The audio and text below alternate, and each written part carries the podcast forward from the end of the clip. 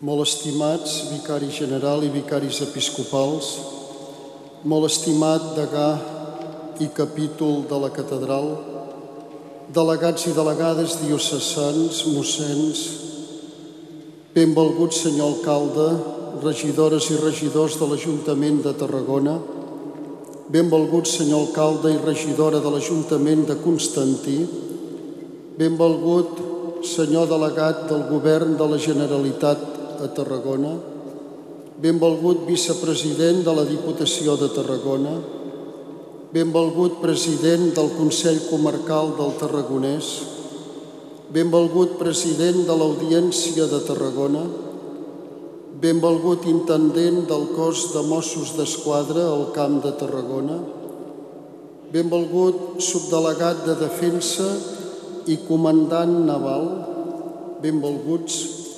representants de gremis, entitats i associacions de la ciutat. Estimat poble sant de Déu, estimada coral, benvolgut grup sonat de l'Escola de Música al Tecler, benvolguts i benvolgudes. Dia per dia, avui fa 700 anys que aquí mateix en aquesta catedral basílica metropolitana dedicada a Santa Tecla, arribava amb tota la solemnitat pròpia del moment el reliquiari de Santa Tecla, el com anomena el braç de Santa Tecla.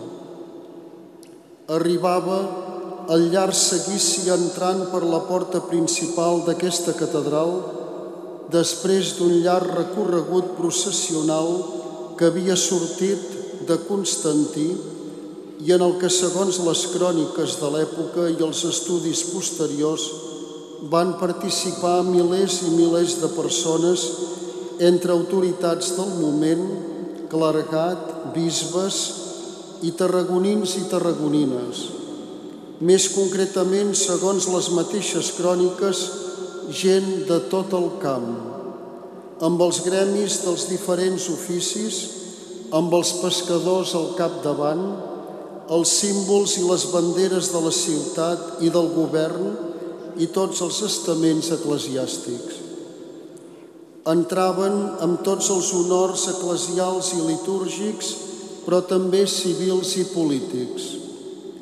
L'arcabisbe Ximent de Luna i el rei Jaume II, acompanyat del seu hereu, el que seria més tard el rei Alfons III, presidiren la comitiva.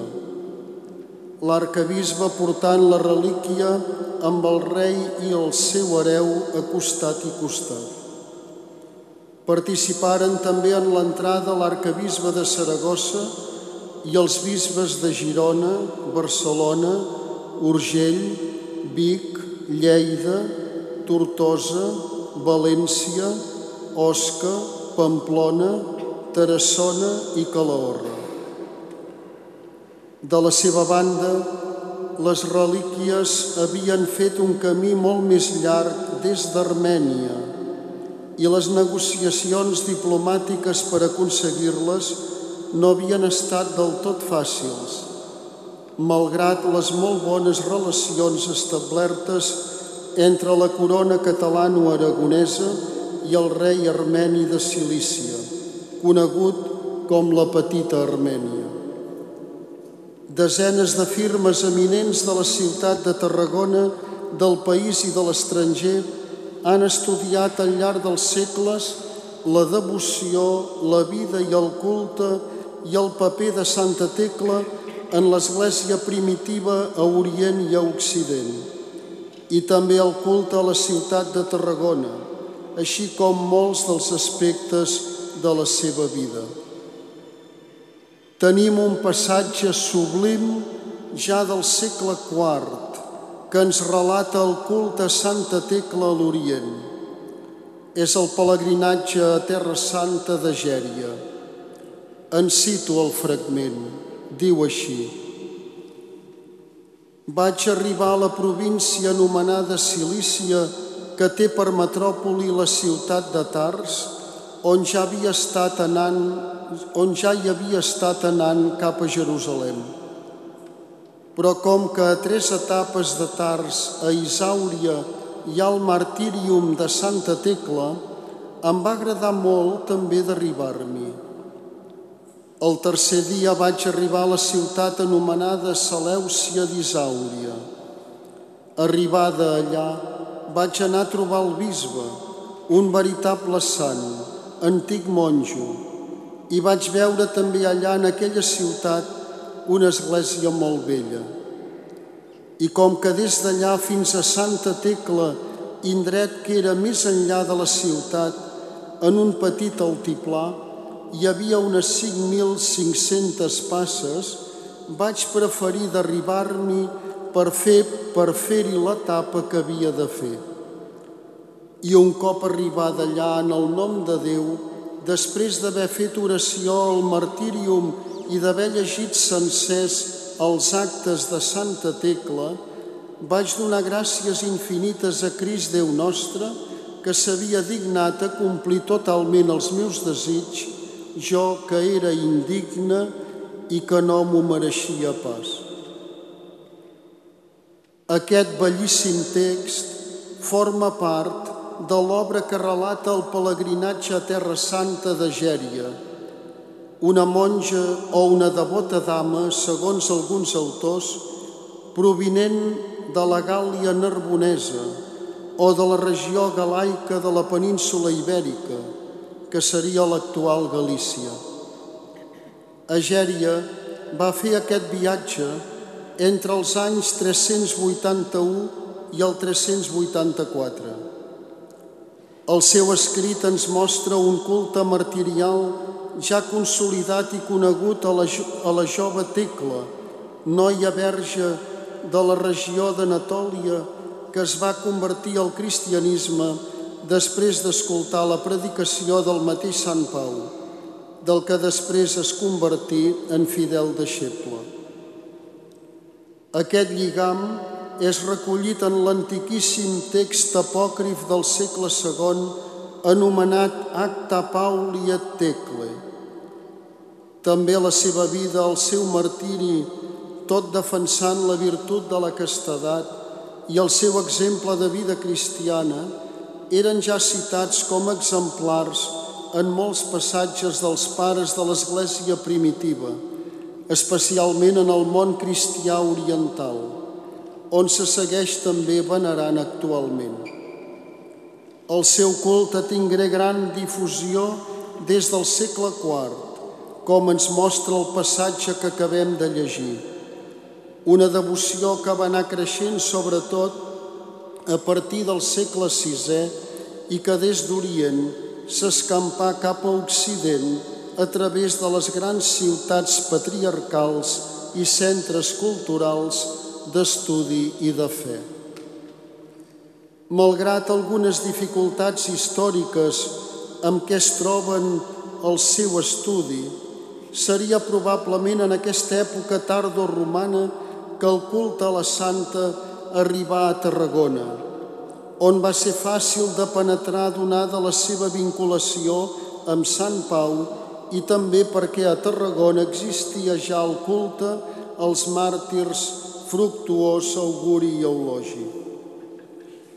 Així a Tarragona va arrelar el seu doble patronatge martirial del bisbe i dels seus diaques, junt amb el de Santa Tecla.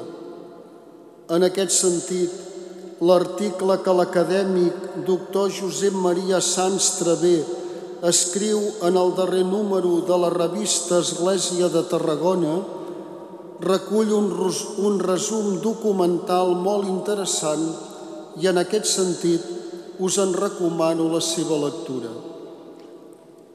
Després dels quatre segles de domini musulmà, amb l'abandonament de la ciutat i el camp i la desaparició de pràcticament tot rastre cristià, la repoblació de tot el camp de Tarragona, la represa de la consciència territorial, i la restauració de la seu arcabisbal a la ciutat va ser llarga i no mancada de dificultats. Per tal de retornar la dignitat arcabisbal hi ha diferents intents, no tots amb finalitats massa clares i sempre duts a terme des d'altres territoris que ja havien estat alliberats del domini serraí.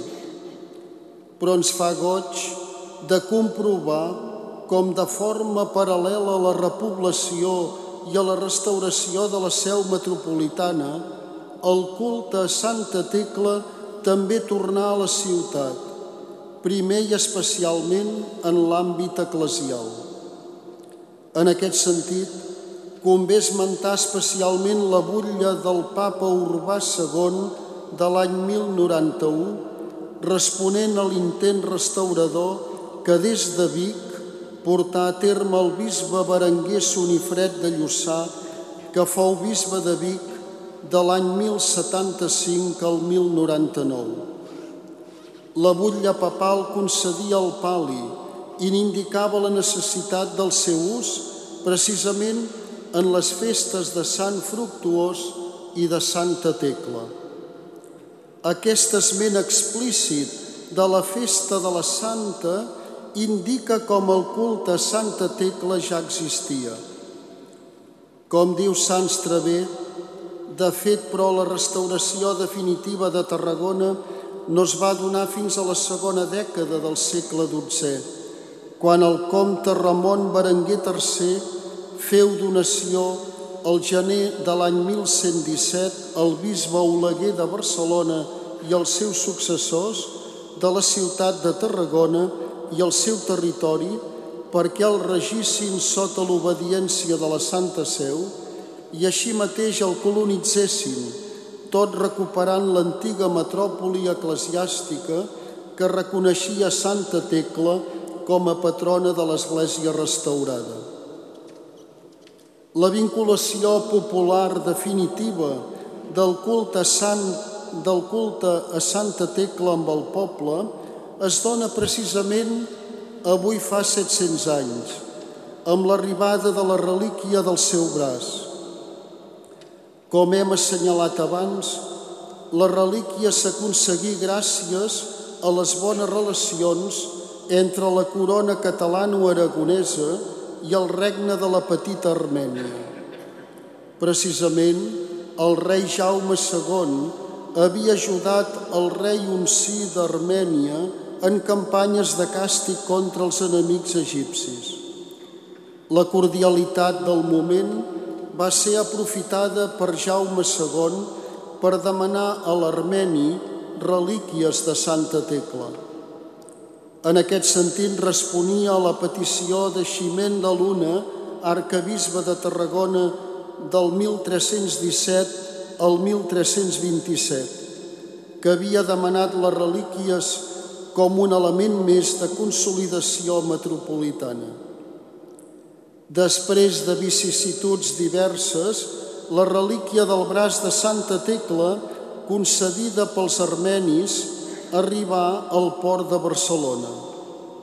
Era la tardor de l'any 1320. La relíquia va ser immediatament lliurada al bisbe de Barcelona, i després de les gestions amb la Casa Reial es va establir que el lliurament a l'arcabisbat de Tarragona es faria en la festa de Pentecosta de l'any 1321. Vet aquí que es produeix precisament avui aquest setè centenari a sis dies de Pentecosta. Aquella entrada solemne del braç de Santa Tecla ha estat el far o l'origen pot ser millor de la repetida entrada del braç a la catedral al vespre del dia 23 de setembre de cada any. Recordar tots aquells esdeveniments d'avui fa 700 anys ens és ara un bon estímul per endinsar-nos en la meditació dels passatges que hem escoltat de la paraula de Déu i concretament del passatge de la carta als Hebreus que hem escoltat a la primera lectura. L'autor de la carta ens deia Recordeu els vostres primers temps, quan cosa que estem fent en aquests moments. Recordeu els vostres primers temps, quan acabat de rebre la llum de la fe vau sostenir tantes lluites i sofriments. I afegia l'autor de la carta, i ara no perdeu aquesta valentia. Només sofrint amb constància podreu complir la voluntat de Déu i obtenir el que ell ha promès. Molt estimats i estimades, és la valentia de la fe que ens fa a 700 anys de distància ser hereus de tanta història, de tanta fe viscuda i patida, i també de tantes pregàries i de tantes peticions a la jove màrtir Tecla, que malgrat tenir el seu origen en terres tan llunyanes, ha esdevingut gràcies al seu exemple de donació cristiana una santa ben tarragonina. És l'exemple també de les noies prudents de l'Evangeli, de l'Evangeli que es llegeix precisament en el dia de la festa de la Santa, el 23 de setembre. Aquelles noies prudents de l'Evangeli que no es van prendre aquella espera com alguna cosa sense importància i no es van descuidar. No ens descuidem, per tant, de la vivència de la fe i de la vida cristiana, que malgrat els neguits i les dificultats ens omple de sentit i d'esperança en tot el que som i en tot el que fem. Nosaltres hem rebut aquesta herència, aquesta herència de Santa Tecla, però també de Sant Pau i de Sant Fructuós, Sant Auguri i Sant Eulogi com cantava el salm de la missa d'avui, res no ens espanta, perquè estem convençuts que el Senyor ens ha escoltat. Certament que gràcies a l'exemple dels nostres sants podem alçar els ulls vers el Senyor sense cap por, perquè ell ens omple de llum i mai més no haurem de baixar els ulls avergonyits per la nostra actitud ni per la nostra pertinença a la seva església, a la comunitat dels seus seguidors. Per totes aquestes coses, avui som aquí, som aquí, celebrant aquella efemèride tan llunyana, però aquella vivència tan propera. Aquesta és una de les grandeses dels fills i de les filles de Déu, saber veure en aquella gent que pot semblar tan llunyana la nostra mateixa fe, la nostra mateixa filiació divina, la nostra mateixa comunitat. Avui, dia per dia, fa 700 anys que per primera vegada van entrar, van entrar les relíquies del braç de Santa Tecla en aquesta catedral, tot i que encara mancaven 10 anys per a la seva consagració. I ara també pel passadís central d'aquesta catedral entren les relíquies de Santa Tecla cada 23 de setembre, després de passar enmig del poble, després de passar enmig de les institucions i d'aquell seguici popular, herència tot plegat d'aquella imponent comitiva que va entrar per primera vegada el 17 de maig de l'any 1321 provinents de Constantí, on, segons les cròniques, el rei Jaume II manà que es conservés la relíquia fins que ell arribés a Tarragona i es pogués afegir a la processó. Si Déu vol, segurament que el proper setembre podrem recuperar els actes tradicionals de la festa de Santa Tecla a la ciutat i amb la perspectiva d'aquest setè centenari podrem afegir més gratitud a Déu per l'exemple de la Santa i per l'exemple de tantes generacions que davant nostre n'han mantingut viu el record. Proseguim ara la nostra celebració en acció de gràcies, amb els ulls posats en el testimoni de les generacions que ens han precedit i demanem a Santa Tecla que pregui per nosaltres. Amén.